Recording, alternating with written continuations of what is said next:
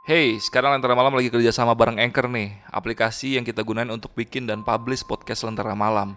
Di sini gue mau kasih tahu, bikin podcast tuh gampang banget dan 100% gratis. Semua yang kita butuhin buat bikin podcast tersedia lengkap di Anchor, termasuk untuk distribusi ke Spotify dan platform podcast lainnya. Yuk download aplikasi Anchor sekarang dan bikin podcast kalian segera.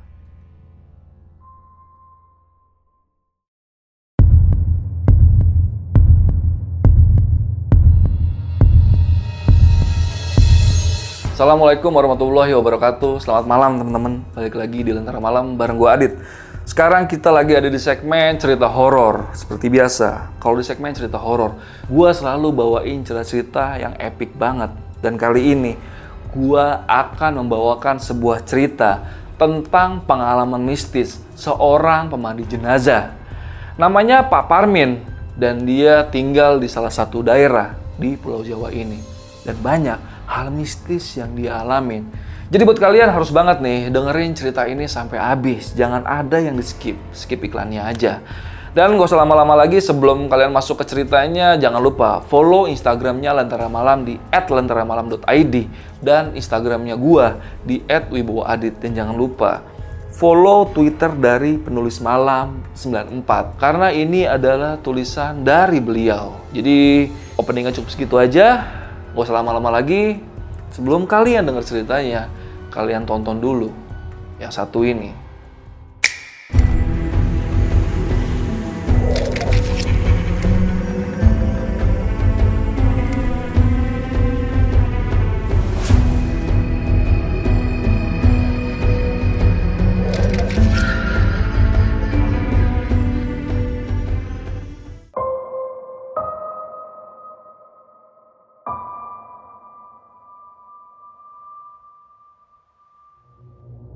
Cerita ini dituliskan oleh Marcel, pemilik akun dari @penulismalam94 dan cerita ini disampaikan oleh Teh Kokom, anak dari Pak Parmin yang berprofesi sebagai seorang pemandi jenazah. Jadi cerita ini diceritakan Teh Kokom kepada Marcel, kemudian sama Marcel ini ditulis lah di dalam Twitternya. Jadi kejadian ini terjadi di salah satu desa di Pulau Jawa. Nama desanya itu Desa Cimacan. Jadi Pak Parmin itu dari dulu dikenal sebagai seorang pemandi atau pengurus jenazah di kampung tempat Marcel tinggal. Tapi jasa Pak Parmin ini nggak hanya digunakan di kampung Marcel saja. Di beberapa kampung sekitar, jasa Pak Parmin juga sering digunakan oleh warga-warganya.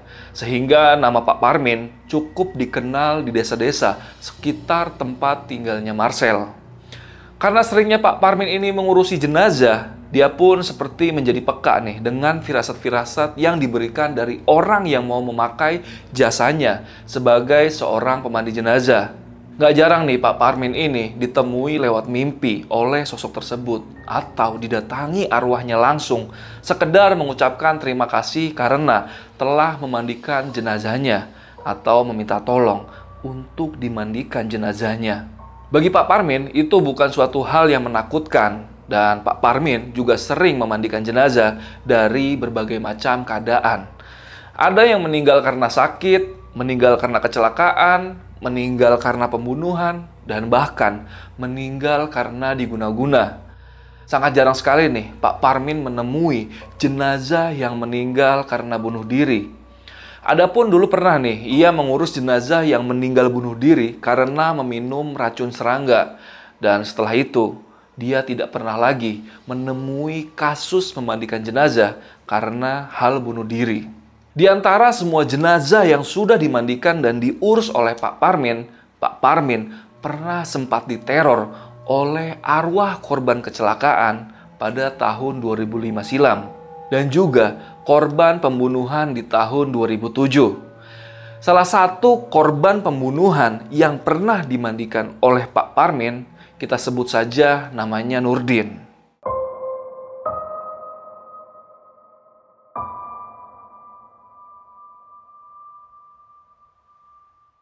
Nurdin ini adalah preman kampung yang terkenal sangat meresahkan warga. Dan Nurdin ini sering memalak para pedagang yang berjualan di terminal. Selain itu, Nurdin juga dikenal sebagai orang yang mempunyai ilmu kebal dan jimat sakti mandraguna. Sehingga orang-orang maupun polisi pun takut dengannya dan kejadian itu pun terjadi. Sore itu sekitar jam 4 sore, rumah Pak Parmin diketuk-ketuk oleh beberapa warga dan dua orang polisi. Mereka meminta bantuan Pak Parmin untuk segera memandikan jenazah Nurdin. Pak Parmin pun kemudian mendatangi rumah Nurdin, si preman kampung itu. Dan di sana sudah ada banyak orang yang berkerumun menunggu kedatangan Pak Parmin. Saat Pak Parmin mendekati jenazah Nurdin, ia melihat leher Nurdin hampir putus, menyerupai seekor ayam yang baru disembeli. Selain leher yang mau terputus, kondisi jenazah Nurdin ini matanya melotot dan juga lidahnya sudah keluar menjulur dari mulutnya. Seketika Pak Parmin ini beristighfar berkali-kali sambil mempersiapkan diri untuk memandikan jenazah Nurdin. Saat Pak Parmin sedang mewudukan jenazah Nurdin, entah mengapa air yang dibilas di telinga Nurdin berubah menjadi darah. Begitu juga air yang dimasukkan ke dalam mulutnya. Semua berubah menjadi darah. Orang-orang yang melihat keanehan saat itu ada yang berbisik-bisik jika Nurdin yang semasa hidupnya suka merasakan warga dan juga memiliki ilmu kebal, saat ajal menjemputnya, dia belum sempat untuk bertobat. Dan gak hanya sampai di situ aja nih keanehannya. Saat sudah bersiap untuk dikafani, hal lain muncul. Ada butir-butir darah segar keluar dari puri-puri Nurdin. Pak Parmin sampai menggeleng-gelengkan kepalanya karena ia baru pertama kali melihat pemandangan yang mengerikan itu selama ia bertugas sebagai pemandi jenazah. Namun karena sudah diburu waktu untuk menguburkan jenazah itu, mau tidak mau, jenazah Nurdin langsung dikafani dengan keadaan sekujur tubuhnya basah dipenuhi darah. Berselang tiga hari kemudian, akhirnya polisi berhasil nih menangkap pembunuh Nurdin, yang mana adalah sahabatnya sendiri. Menurut polisi, pelaku tega menghabisi korban karena sakit hati terus-menerus dimintai uang oleh almarhum.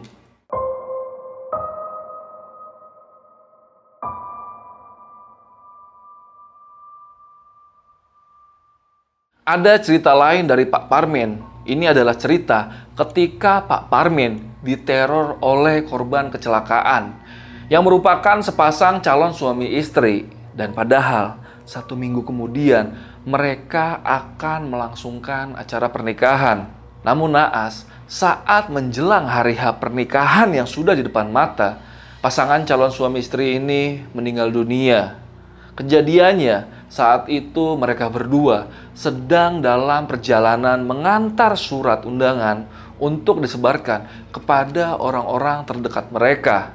Tapi di tengah jalan mereka tersenggol mobil dan saat kendaraan motor yang dikendarainya jatuh dari arah berlawanan, sebuah mobil truk dengan muatan kayu melaju dengan kencang dan menghantam tubuh mereka berdua.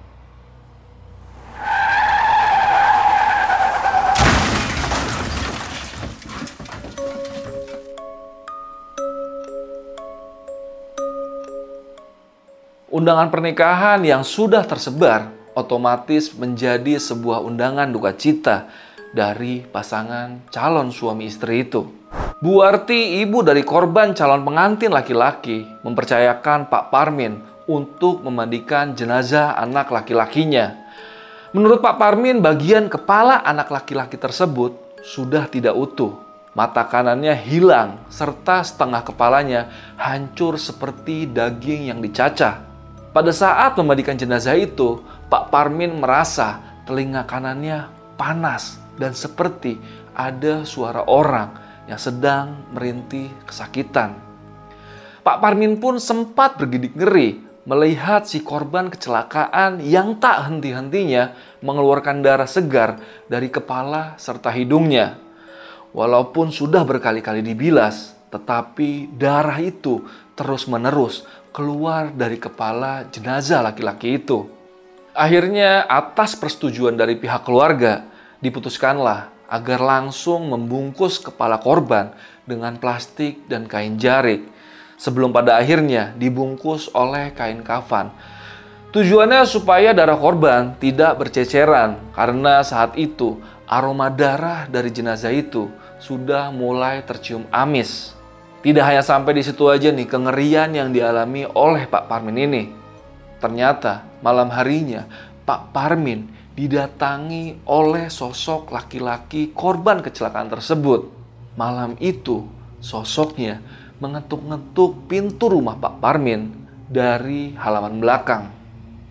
Teh Kokom anak dari Pak Parmin ini merasa heran pada saat itu karena ketukan itu berbunyi di atas jam 10 malam dan ketukan itu berbunyi di bagian pintu belakang rumahnya, bukan di bagian depan rumahnya.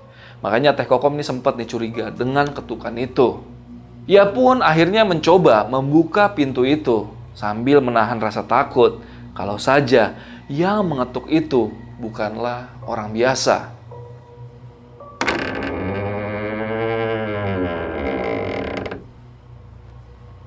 Dan benar saja, saat pintu itu terbuka, mata Teh Kokom dibuah terbelalak.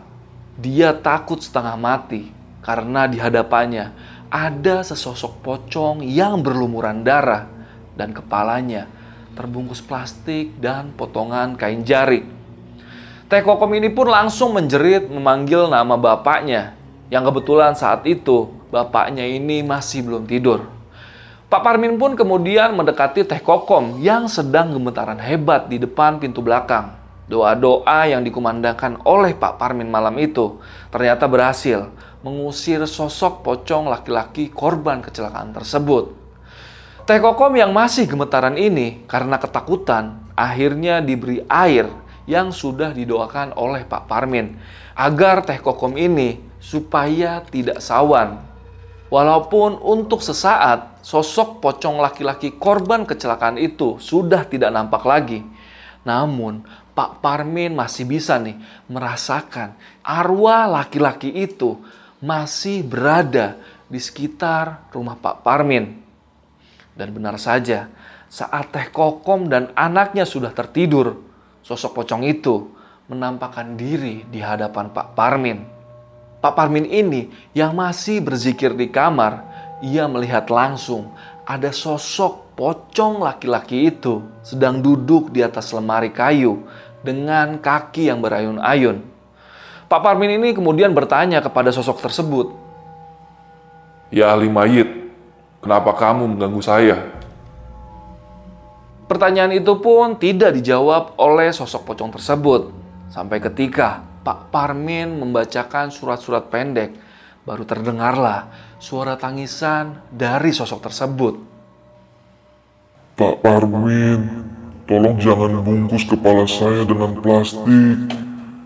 Dan tolong potong kain jarik ini, Pak. Saya nggak bisa pulang, Pak.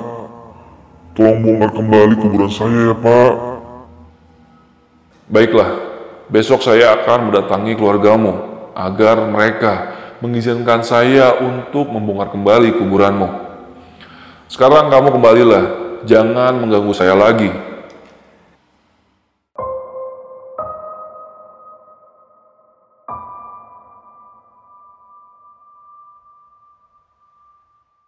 Keesokan harinya, Pak Parmin pergi menghadap keluarga almarhum untuk menyampaikan pesan yang disampaikan oleh sosok pocong yang mendatanginya malam itu.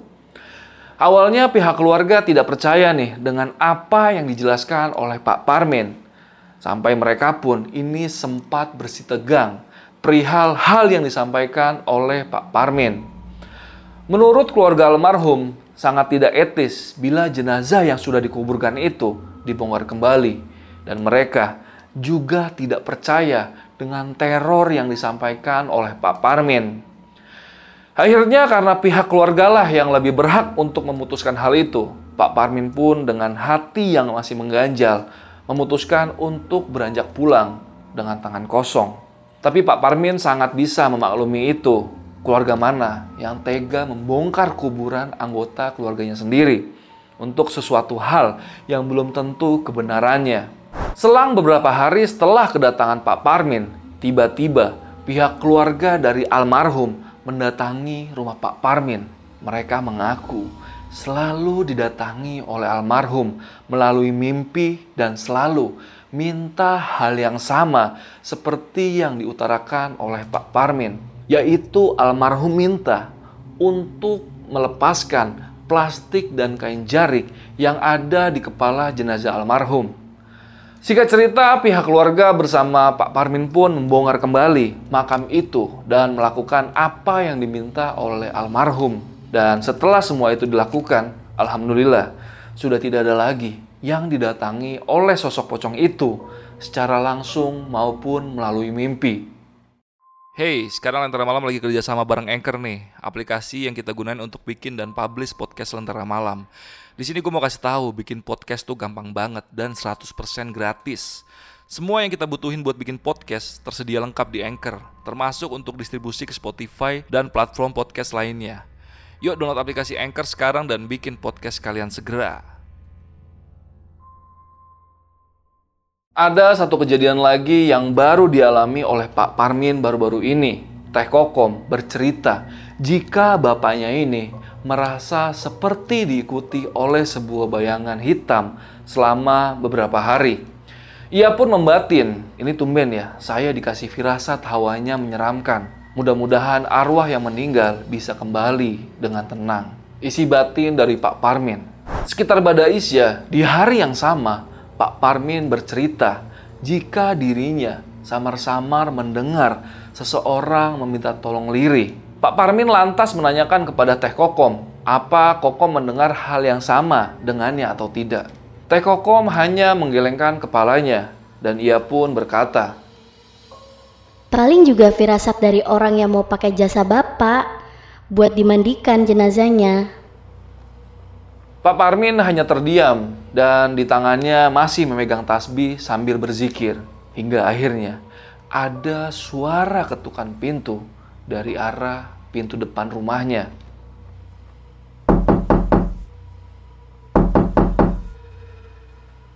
Saat itu Pak Parmin langsung bangkit berdiri untuk membuka pintu itu. Dan Teh Kokom yang penasaran ikut mengintip dari jendela. Dan ketika pintu dibuka, tidak nampak seorang pun yang terlihat di balik pintu itu. Pak Parmin yang masih berdiri di depan pintu, ia pun berkata, Tenanglah, saya akan memandikan jenazahmu. Baru saja Pak Parmin ini menutup pintu rumahnya, Teh Kokom langsung menanyakan, Pak, tadi bapak ngomong sama siapa? Pak Parmin hanya diam dan tidak menjawab pertanyaan Teh Kokom. Ia pun kembali duduk dan melanjutkan zikirnya. Baru beberapa saat ketukan pintu misterius itu berlalu, kembali mereka dikejutkan dengan adanya suara dan tiupan angin yang kuat dari dalam rumah bahkan menyebabkan beberapa pajangan yang ada di atas meja jatuh berantakan. Teh Kokom dan anaknya yang saat itu sedang menonton TV langsung disuruh oleh Pak Parmin untuk masuk ke dalam kamarnya. Pak Parmin pun segera mengambil garam dapur yang lalu ia taburkan di setiap sudut rumahnya. Dan tak lama setelah itu muncul lagi suara ketukan pintu.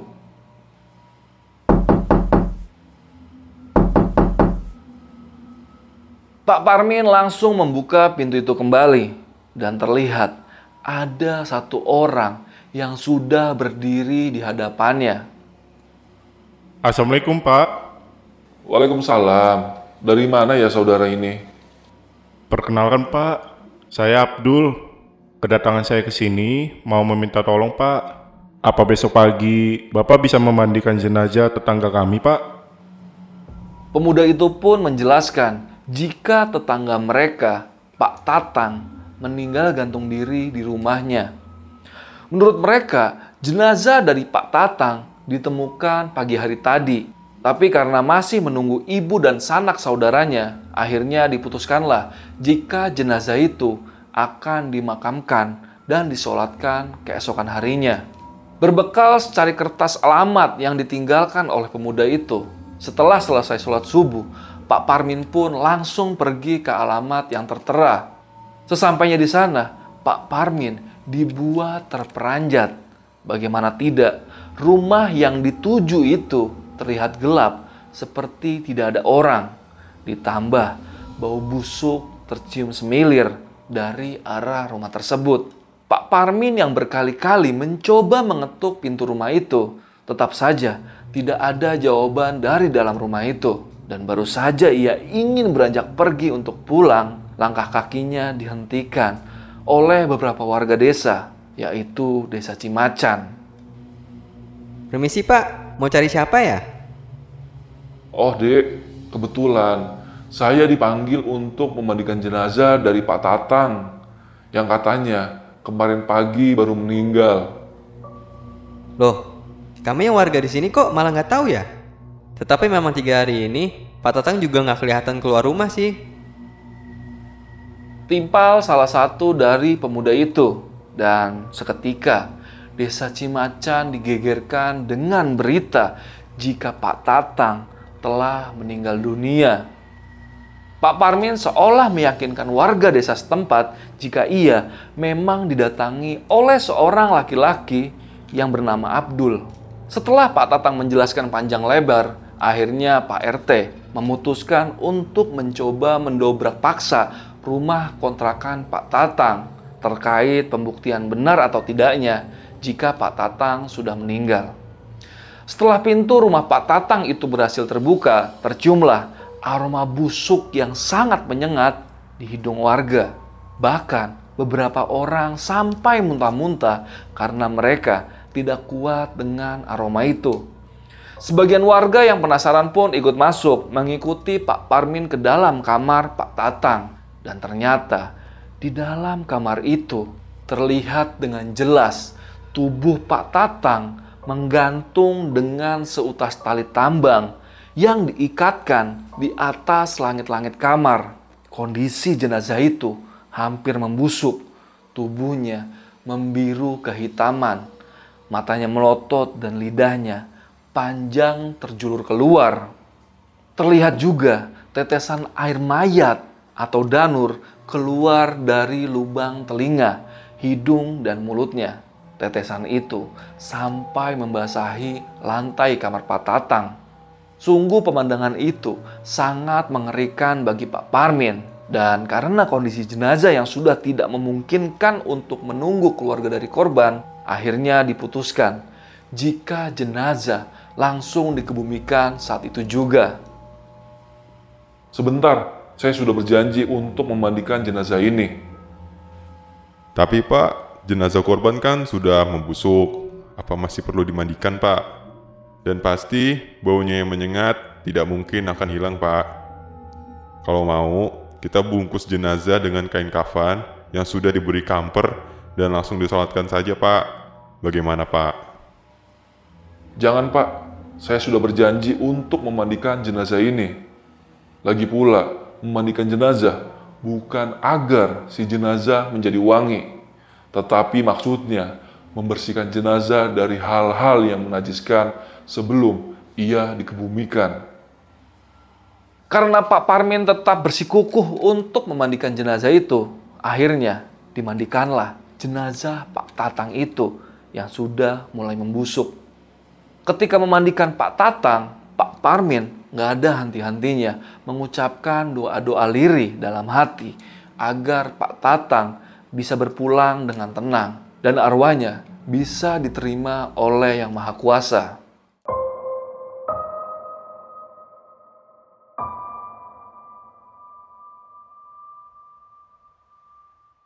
Berselang dua hari kemudian, setelah Pak Parmin memandikan jenazah Pak Tatang, ada hal janggal yang terjadi.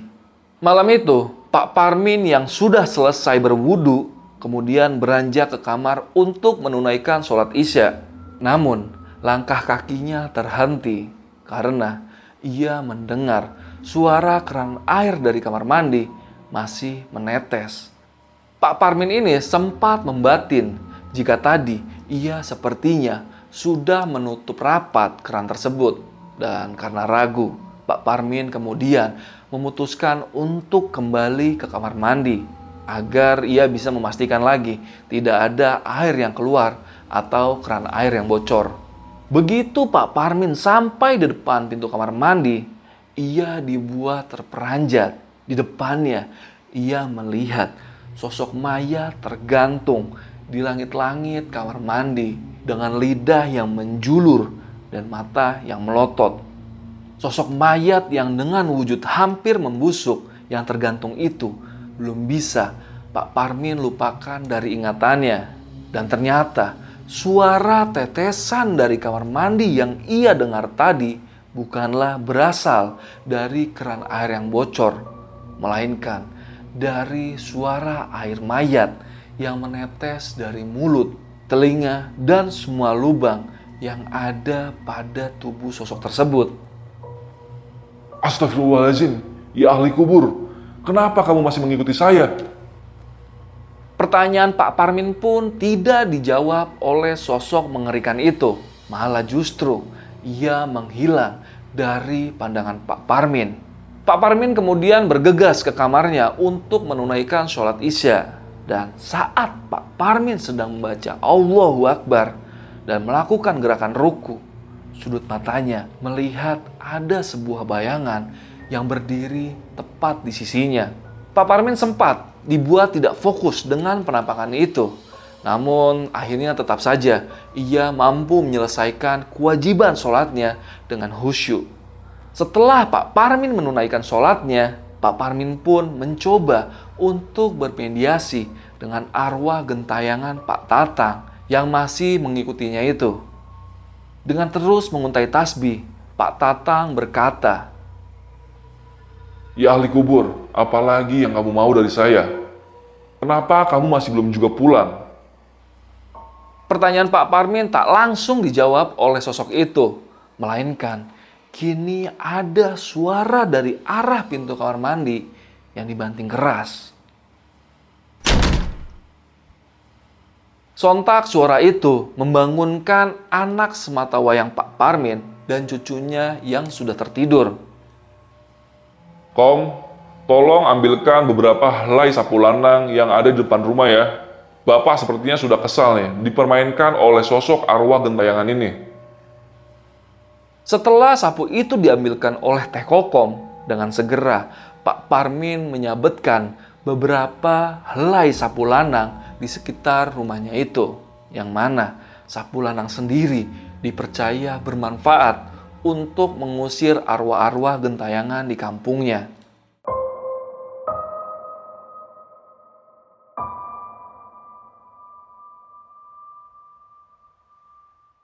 Tepat jam satu malam, saat Pak Parmin sedang terlelap tidur, kaki Pak Parmin seperti ditarik-tarik oleh sesuatu. Pak Parmin kemudian membuka matanya dan ia lihat sosok Pak Tatang sudah berdiri di hadapannya. Ia sekali lagi meminta tolong kepada Pak Parmin. Pak Parmin, tolong saya Pak. Tolong tahlilkan saya di kampung Cimacan Pak. Saya minta ditahlilkan Pak. Pak Parmin pun kemudian terbangun dan ternyata tadi hanyalah bunga tidur. Namun Pak Parmin tidak menganggap mimpi itu hanya sekedar bunga tidur belaka. Ia meyakini jika arwah Pak Tatang benar-benar meminta tolong untuk segera ditahlilkan. Keesokan harinya, Pak Parmin kembali nih mendatangi rumah kontrakan Pak Tatang yang ada di desa Cimacan. Di sana, ia kembali bertemu dengan Pak Ketua RT. Ia pun langsung meminta izin untuk melakukan doa tahlil di rumah Pak Tatang tersebut. Kebetulan banget Pak Parmin ini datang. Padahal rencananya siang ini saya mau mendatangi rumah Pak Parmin. Sebagai contoh, ada Pak Deden yang rumahnya tidak jauh dari rumah kontrakan Pak Tatang. Dia ditampakkan dengan wujud Pak Tatang yang sudah membusuk. Dan sosok itu berkata kepada Pak Deden bahwa ia minta untuk segera ditahlilkan. Sama seperti yang diucapkan sosok itu kepada Pak Parmin di dalam mimpinya.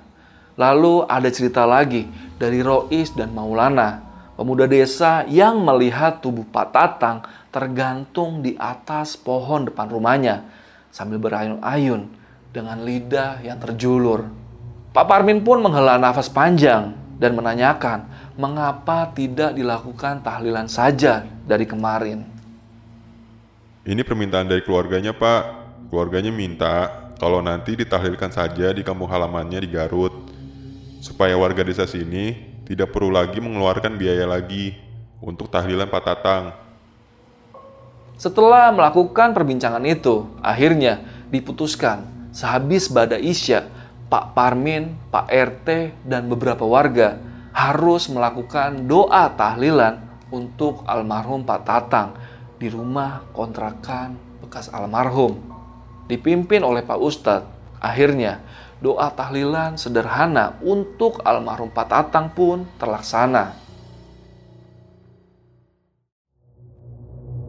Oke, itu tadi cerita dari Ed Penulis Malam 94. Jadi buat kalian, silakan komen pendapat kalian tentang cerita yang tadi gue bawain. Dan gue mau ngingetin nih, kalau video Lentera Malam yang berikutnya, ini ceritanya bakal epic banget nih. Karena gue dan Jamal udah berhasil ngundang mantan seorang PSK untuk datang ke Lentera Malam. Dan dia di sana akan bercerita pengalamannya ketika dia merebut suami orang menggunakan hal mistis. Jadi buat kalian yang mau segera gue upload cerita itu, kalian silahkan komen sebanyak-banyaknya di bawah supaya gue cepet-cepet upload video itu. Dan sebelum gue closing, follow juga Instagram pribadi gue di @wiboadit dan DM gue aja kalau kalian mau segera nonton video itu. Dan jangan lupa follow Instagramnya Lentera Malam di @lenteramalam.id. Yaudah paling video malam ini cukup segitu aja. Gue Adit dari Lentera Malam.